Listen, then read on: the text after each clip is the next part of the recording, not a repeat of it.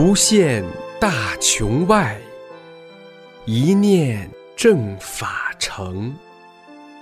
师尊慈悲愿，万物沐春风。请听明慧专题《一师恩》。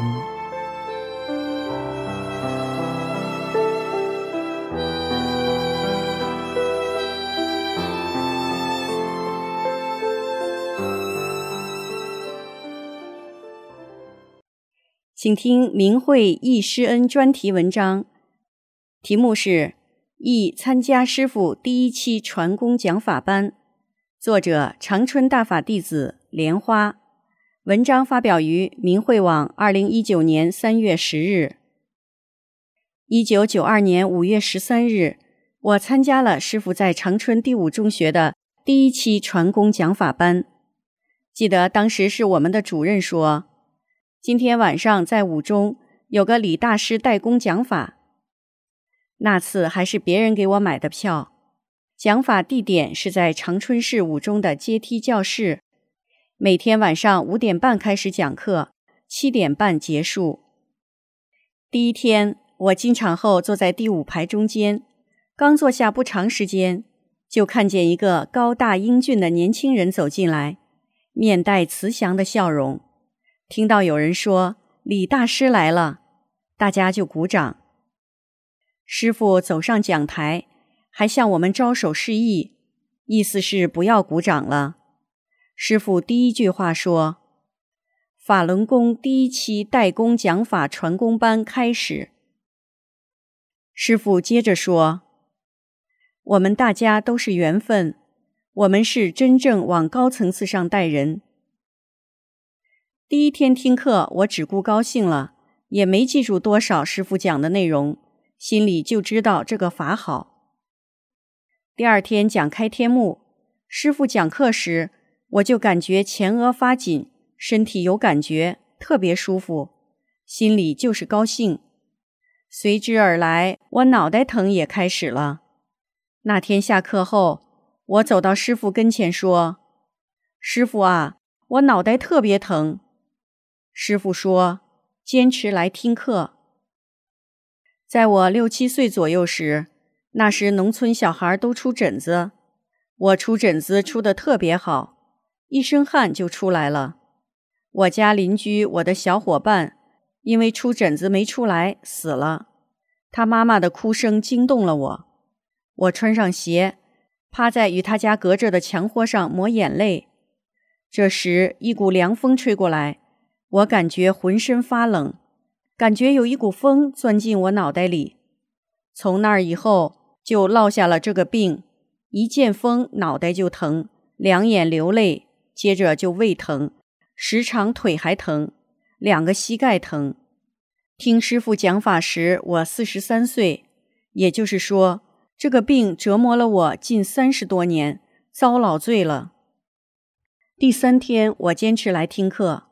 结束时，我又走到师傅面前说：“师傅啊，我脑袋实在太疼了。”师傅看见我痛苦的样子，抬手对着我的头顶轻轻地拍了三下，我感觉特别舒服，长长的出了一口气。师傅问我：“好没好？”我说：“好了。”从此以后，我脑袋痛的病就好了，困惑我一生的病没了。困扰我一生的头痛病，经师傅轻轻的拍了三下就没了。第五天在讲课前，师傅先给大家调病。师傅说：“全体起立。”然后师傅说：“因为大家身体不好，咱们整体给学员调病。你哪儿有病，你就想哪儿有病。如果你认为自己练功能好病，你想你的亲人、父母的病也可以。”我也能给你亲人调病，我就想，我丈夫脑袋里已经确诊有瘤子。师傅说，咱们通过学法练功可以祛病健身，我就不想自己了，想我丈夫的病吧。中间我偷偷的往讲台上溜了一眼，看见师傅侧身站在讲台上，右手冒出三个火球，火火球对着场地发过来。大约二十分钟左右，师傅说停。后来我问师傅：“师傅，我看见您手上冒出三个火球。”师傅说：“因为咱们场地不干净，我打出三个长手雷清理场地。”接着师傅开始讲课，讲完课后，接着就教功。教抱轮动作时，我因为身体弱，抬胳膊不标准。师傅走到我身边，轻轻地说：“不要动。”然后把我的胳膊轻轻地往高抬了抬。我刚想说谢谢师傅，睁眼一看，师傅已经到了我前面五六个人那儿了。我想，师傅真不是一般人啊！师傅办的第一期十天班圆满结束，第一期学员有两百多人。结束时。我的毕业证是一百三十七号，毕业证上有师傅的印章，还发有法轮章，都是经过师傅的手亲手发给我们的。从我亲眼看到师傅打出掌手雷那一刻起，我感到真是神仙来到世间。从那时起，我就坚定了修炼的决心，一直到现在，从来没有动摇过。得法后的神奇事。师傅让我们集体学法，我们三个同修成立了学法小组。一次我下班时骑自行车过马路，看到前面是绿灯，我就往前骑。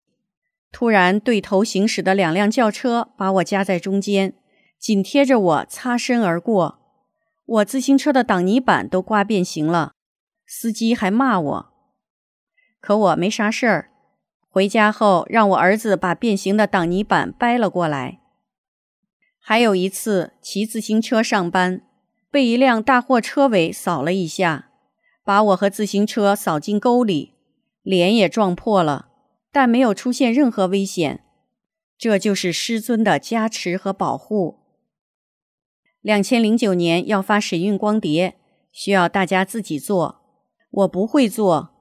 一次学完法正范畴时，看见师傅法身坐在大莲花上来了，在我面前一晃而过。我们几个同修立刻增加了信心，一致说一定要买电脑和打印机，自己学做。买回来之后又犯愁了，没有技术同修教我们。很快，师傅巧妙安排，我们认识了技术同修，学会了刻录光盘技术。从此，我们也建立了真相资料点，开了一朵小花。以前都是靠别的同修给资料，给啥就发啥。现在我们自己想发啥就做啥。这朵小花越开越好。开始从同修那儿弄了个旧刻录机，三个光驱只有一个好使，八分钟刻一张碟，太慢了。我们求师傅后，三个光驱都好使了。不发神韵光盘后，我们改做资料。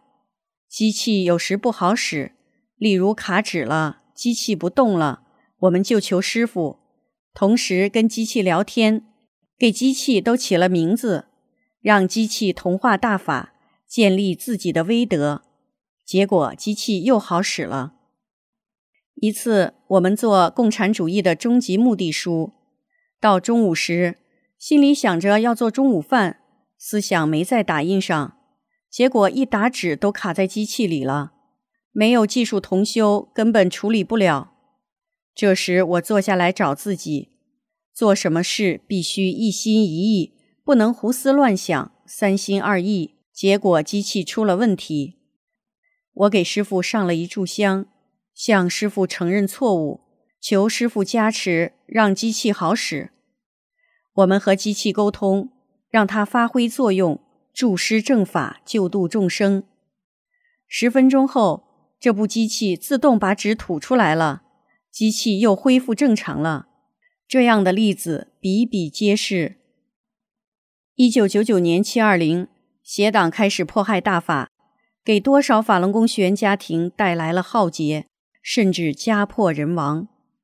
当时因为承受来自社会、单位、街道。派出所等处的压力，亲人百般阻拦，利用各种方式不让我再练法轮功。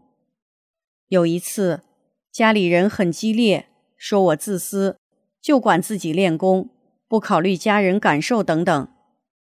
我说不过他们，但我兼修大法的心丝毫不动摇。没有大法的救度，就没有我的今天。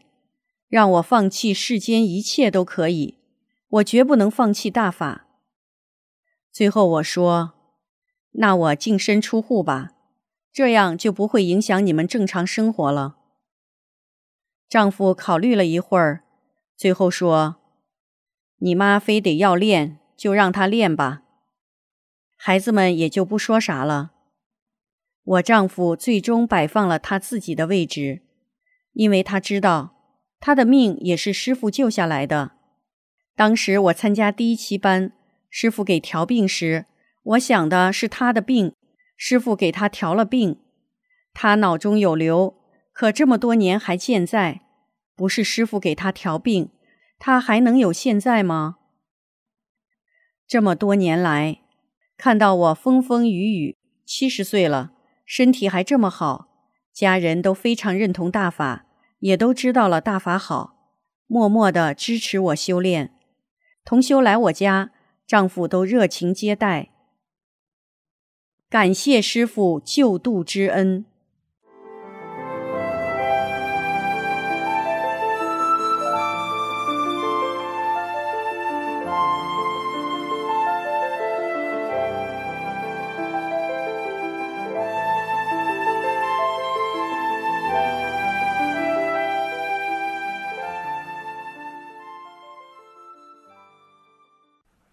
请听明慧忆师恩专题文章。题目是“有缘得法的日子”，作者佳木斯大法弟子龙宇。文章发表于明慧网，二零一零年九月六日。一法缘，记得我在读小学时，经常给不识字的外祖母念经文，时间长了，我也就会背了。现在还依然记得，那时还时不时的同外祖母一起拜菩萨。拜的还很虔诚，在幼小的心灵里种下了信佛的因缘，而且还产生了一种莫名其妙的遐想：我要有一位神通广大的师傅多好！遇到什么灾难时，一喊师傅救我，师傅就驾云来了。这个想法时隐时现，跟随着我，直到见到了师傅为止。我的夙愿实现了，我遇到了师尊，下世渡人了。这是我生命最难忘、最幸福的时光，终于圆了这个梦。二得法，我喜欢佛家气功，只要知道哪里有教佛家气功的，我就跟着学练，但都不理想。当我得知法轮功在世上传的时候，我的第一感觉，这就是我要找的功法。一听法轮功的名字，心里就特别舒服，渴望早日学到。兴奋不已，什么都再也不想学了，就学法轮功。心想等师傅来佳木斯传功时，我们全家都参加。可是当我得知师傅不来佳木斯了，感到很失望。后来听说在哈尔滨办班，是最后一个班了，只传法不教功，办五天的班。得知这个消息后，我非常激动，想这回可不能错过机会了。否则，过了这个村就没这个店了。我一定要做师傅的亲传弟子，什么困难也挡不住我。于是，我就把孩子安排好，因不让带小孩，去了哈尔滨。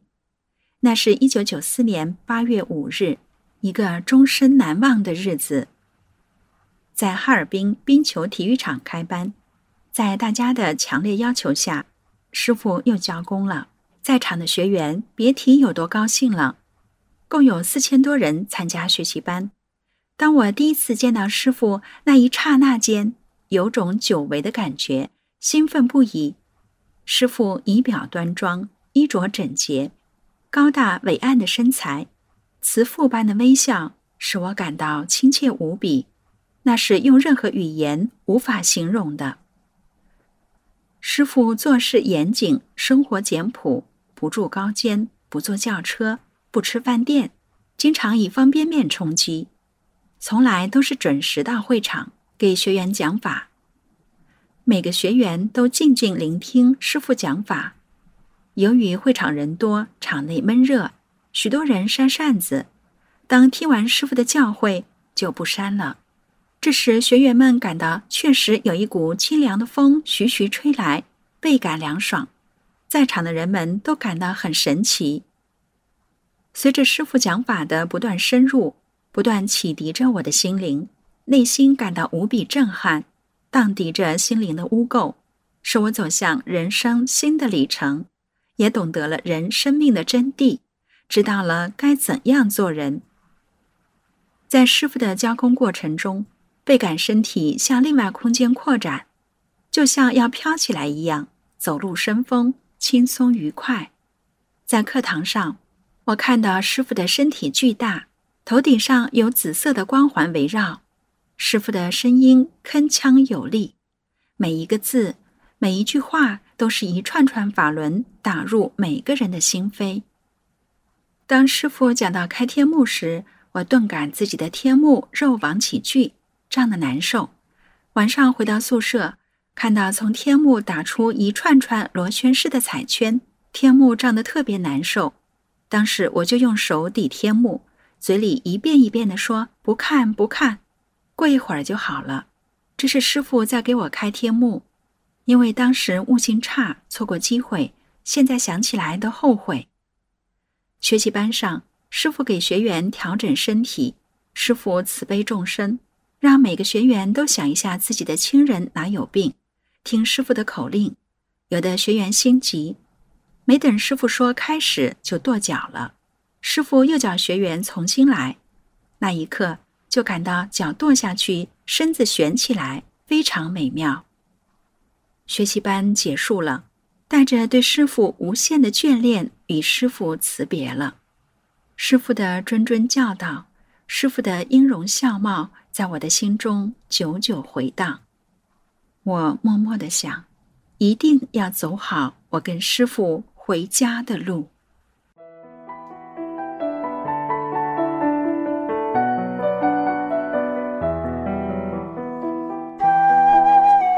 您现在收听的是明慧专题《易师恩》。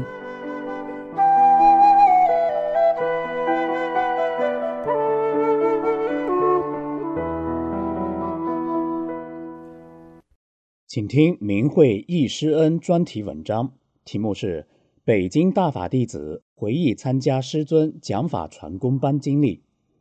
文章发表于明慧网，二零一九年六月五日。作者：北京大法弟子。一九九三年，我喜得大法，有幸参加了师傅在北京航天部礼堂的讲法传功班。在场上，师尊让大家把手伸出来。当时我感觉到手心热乎乎的，手上有东西在旋转，小腹里有法轮，身体周围都有东西在旋转。我问师尊怎么回事，师尊说都是好事。师尊还给大家调整身体。大家按照师尊的要求，先跺右脚，然后换左脚，把病气排出。第三天，感觉师傅给我打开天目，前额部位一个红太阳似的东西在不停地旋转。每天听师尊讲法时，都看到师尊头顶上出现好多佛，一个落一个，金光闪闪的。当师尊讲到第五讲法轮图形的时候，我看到整个礼堂上空。有一艘巨大的大法船在旋转，师傅站在大法船的最前头，船上坐满了大法弟子。我看到以后，心情特别激动，当时恨不得马上喊出声音：“大家快看呐，大法船在礼堂里转呢，真好！”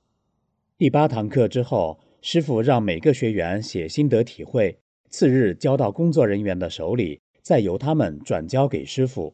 我也写了一个小条。向师尊提出埋在自己内心深处的感受。老师呀，我怎么了？走路老要离地，躺在家里睡觉往起飘，盖上被子连被子都要飘起来，老像气球似的往起飘。讲法结束后，来自全国各地的学员都想请师尊签名留念。我怀着深深的敬意来到师尊跟前，双手紧紧握住师尊的手，感觉一股强大的暖流通透全身，幸福的心情无以言表，心中充满了对师尊的无限的感恩。我一接触大法，心里就明白，这不是普通的祛病健身的气功，而是顶天独尊、佛主下世救度众生。自己苦苦追寻的大法，师尊已经给我送到了面前，庆幸自己得到师尊亲自传渡。回到家中，哭了一个礼拜。原来我也上香，但不知道给谁上香。这次可找到自己真正的师傅了。我知道我自己生命的真正意义了。听完九堂课以后，我的身体情况得到了极大改善。原来根本上不去楼，走几步就累；上楼时走两步就得歇着，喘不上来气。现在都是走路轻飘飘的了，上楼不喘了。折磨我多年的风湿性心脏病和关节炎、花粉过敏等等疑难病症相继没有了。我彻底告别了医院的大门。真像师尊所说的，走路生风，骑自行车好像有人推，干多少活都乐呵呵的不在乎，真正体会到了无病一身轻的幸福和美好。我先后参加了数次师尊讲法传功班，耳闻目睹并亲眼见证了大法的神奇和师尊的宏大慈悲，那一幕幕师尊妙手回春，令许多病危学员起死回生的场面。令我终生不能忘怀。有一次课间休息的时候，我看到师尊从讲台上走下来，大家都围着师傅问这问那，谈自己练功后身体出现的种种现象，师傅都一一耐心解答，并且告诉大家说都是好事，都是好事。师傅走出讲法礼堂，来到休息大厅里，大家看到师尊给一个坐轮椅的病人调整身体。师傅当时就是冲着他微笑，也没见着师尊动这动那，就听师傅冲他说：“好了，你可以站起来了。”那人当时不敢站，师傅再次鼓励他：“没事，你站起来吧，还可以往前走走。”他站起来以后就往前走几步，师傅又告诉他：“你往前走，往前走，你走快点儿。”他真的就围着轮椅走了一圈。这时全场掌声雷动。他自己说：“谢谢师傅，谢谢师傅。”转眼之间，师傅无影无踪，离开了大家。不知道师傅怎么一下子走到了讲台上。后来有一个人粉碎性骨折住院期间，他要求医生给他拆掉石膏，否则的话就办出院。结果他拆掉石膏后，得知师尊在北京举办第二次健康博览会，由家人用担架抬到会场。直接找到会场服务人员递条子，求师傅给自己调整身体。师尊听说后，从二楼下来，走到他的身旁，给他调理身体，让他站起来，大步往前走。他绕着会场走了一大圈，家人不放心，上前搀扶。师傅摆手说：“不用。”就这样，一个寸步难行的病人，转眼间恢复正常。这时候，全场掌声经久不息。全体家属高兴得泪流满面，跪地叩谢师傅的恩德。师傅说：“赶紧起来，不要这样。”就在大家层层围住师傅，还想求师傅给自己调整身体的时候，不知怎么回事，转眼间师傅就离开了人群，早已经出现在二楼的讲台之上了。还有一个人来自内蒙，他身患严重的肝腹水，肚子大的受不了，体重长到二百多斤。脸色黑黄，浑身无力，痛苦不堪。金师傅给他调整身体后，从死亡线上走了回来。这次他重新来到博览会现场，一边想着证实大法，逢人就说大法好，感谢师傅救了他的命。同时，他希望师傅再给他调整一次。师傅说：“你已经好了，不用再调，你好了。”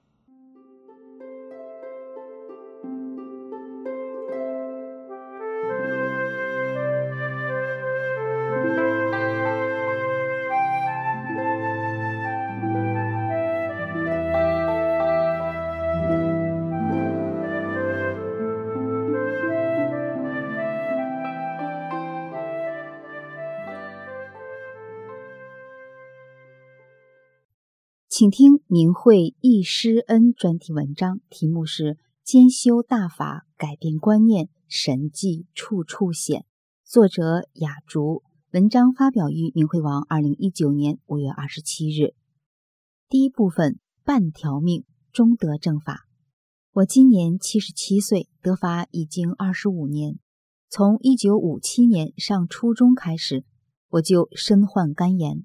高中、大学期间一直住肝炎病房，外号“半条命”。一九九四年六月的时候，我持续在死亡线上挣扎，正在经历第三次肝腹水。当我准备去华西医大住院的头天晚上，我院人事处长来我家，叫我去练法轮功。在这之前，我一直不相信气功，我认为气功能治病，那还要医院干嘛？医学院也不用开了，诺贝尔医学奖该他得。所以，当我听到法轮功时，我反问他：“法轮功有什么好处？”他说：“练了法轮功后，生病可以不打针吃药。”这是当时他对大法的有限理解。我生病几十年，打针吃药住医院，吃的药可以用大卡车拉。我一听说法轮功能帮我不吃药，立即答应要去。当时的家人非常反对，我为了活命，心想生死就靠这一搏了。执意要去，于是第二天就坐上了去郑州的火车，去听师傅的讲法。但当时的我还不知道，我竟然有幸和师傅乘上了同一列火车，并坐在了相邻的两节车厢。说也奇怪，在家时我每天早晨心脏早搏，每分钟停跳四十多次，很难受，就像心脏要从喉管里蹦出来一样。但当我与师傅乘同一列车的第二天早上，我就没了心脏早搏的现象，太神奇了。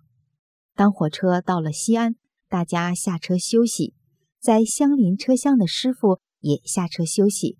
和我同行的同修拽着我，激动地说：“快看，那就是师傅！”我一看，怎么那么年轻？心中就动了很多想法。到了郑州的第二天早上去吃早餐，我和同修一起进了一家面馆，一看师傅正在里面用餐，于是我们就去与师傅同桌。当时我看到餐馆里苍蝇很多，就上前跟面馆的老板说：“多给我碗里加些蒜泥。”师傅听了就说：“别那么执着。”我一听就很不高兴，我当时对师傅非常的不敬。现在想起来惭愧不已。后来开课的第一天，我发现听课场地的环境不好，就想算了吧，还不如回家住院好了。就在这时，耳边就听到师傅在讲台上说：“你还想走？来到这里就是缘分，过了这个村就没有这个店。”我听到这句话很震惊，他怎么知道我要走？神了！就这样，我留了下来，坚持上课。在听课过程中，魔的干扰特别大。记得有一天，突然狂风大作，暴雨冰雹打垮了窗子，听课场上灯都灭了，伸手不见五指。我立即爬到师傅的讲桌下，看见师傅头顶的屋顶上落下了一大股雨水，往讲桌上泼去。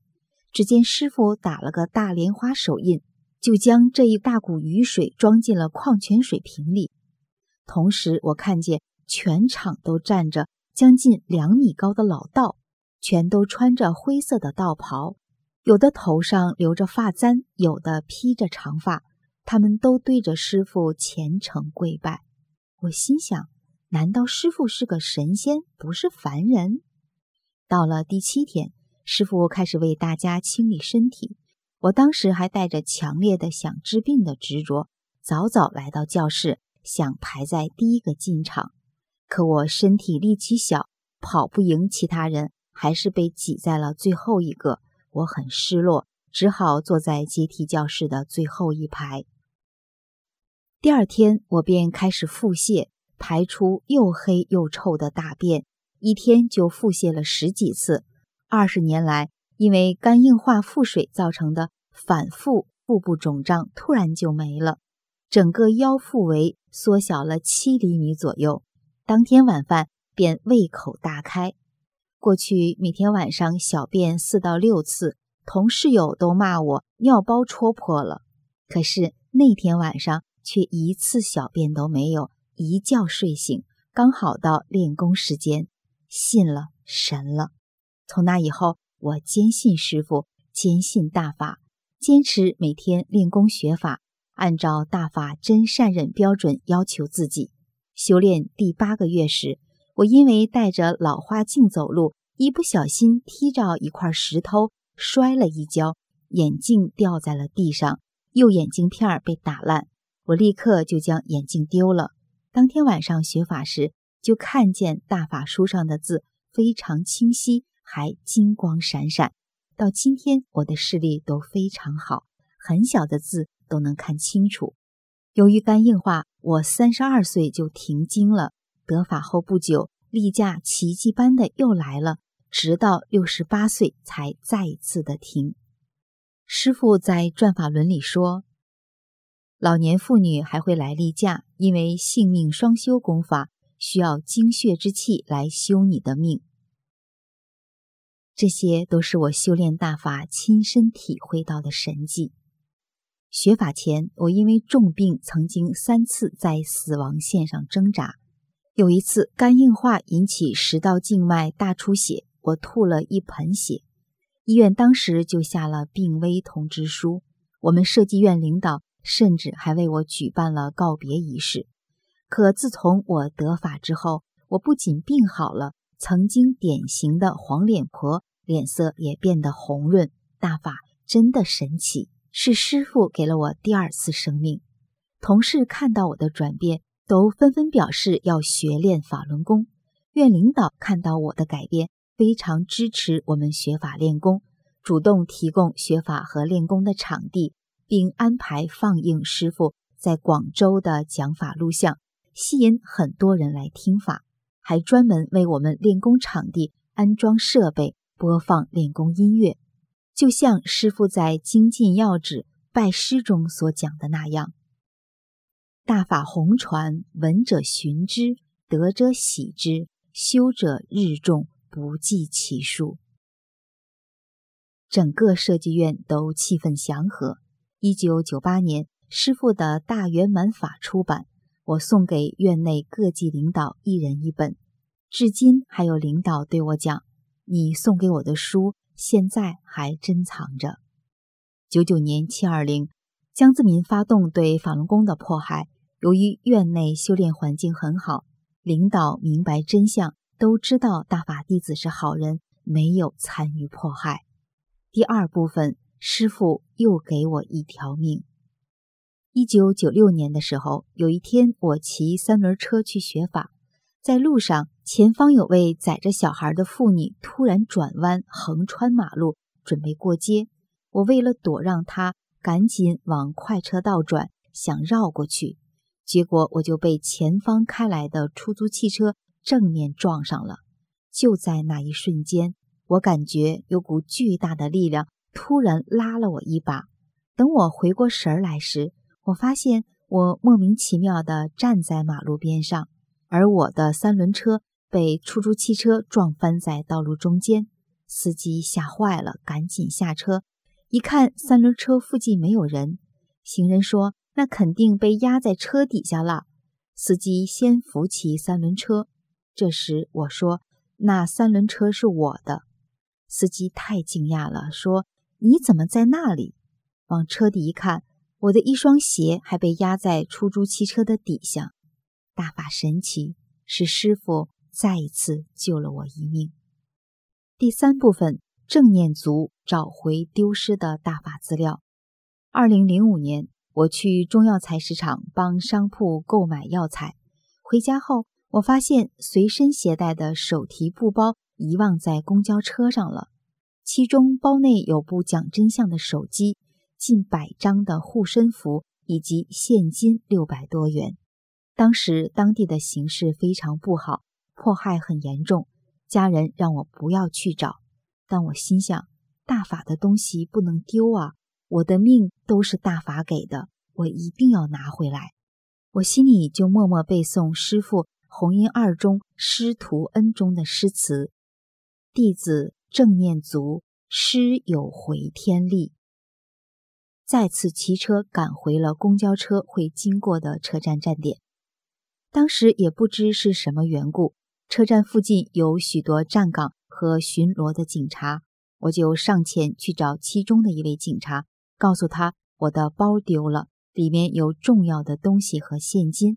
那个警察在仔细询问过我包的外部特征和丢失过程后，他说：“你不要着急，东西不会丢的。”我帮你找个幺幺零的巡警替你找回来吧。说完，他就打了幺幺零，叫来了一个民警。那位民警便带我去了公交站台等待，同时他不停地拨打我包内携带的手机电话。听见拨通的声音后，民警告诉我：“你别急，你包在公交车上没有丢，我们耐心等着就好。”那时正是正午，烈日当空，十分炎热。那位民警一直陪我在站台等着，在这期间，我心中一边继续默背着师傅的诗“师徒恩”，一边求着师傅帮我。结果不久后，我乘坐的那辆公交车就进站了。我一看，我的包正好就在司机的驾驶台旁放着。我们上车表明来意后，公交司机很凶狠地对我说：“你包里有什么？”我回答没有什么。司机还想继续说话时，那位民警反而厉声对司机说：“你别问那么多，赶快把包拿给他。”司机只好把包递给了我。我下车后对民警说：“谢谢你这么热的天陪着我。”民警回答：“不用谢，这是我应该做的。”我想，包遗失了那么久，我们能在站台这么短的时间。刚好等到这辆公交车来，这一定是师傅在加持帮助我，在师尊的保护下，我堂堂正正的把属于我的东西找了回来。大法的神迹太多太多，师傅的慈悲救度，我们一定不要辜负。做好三件事，完成史前大愿，救度更多众生。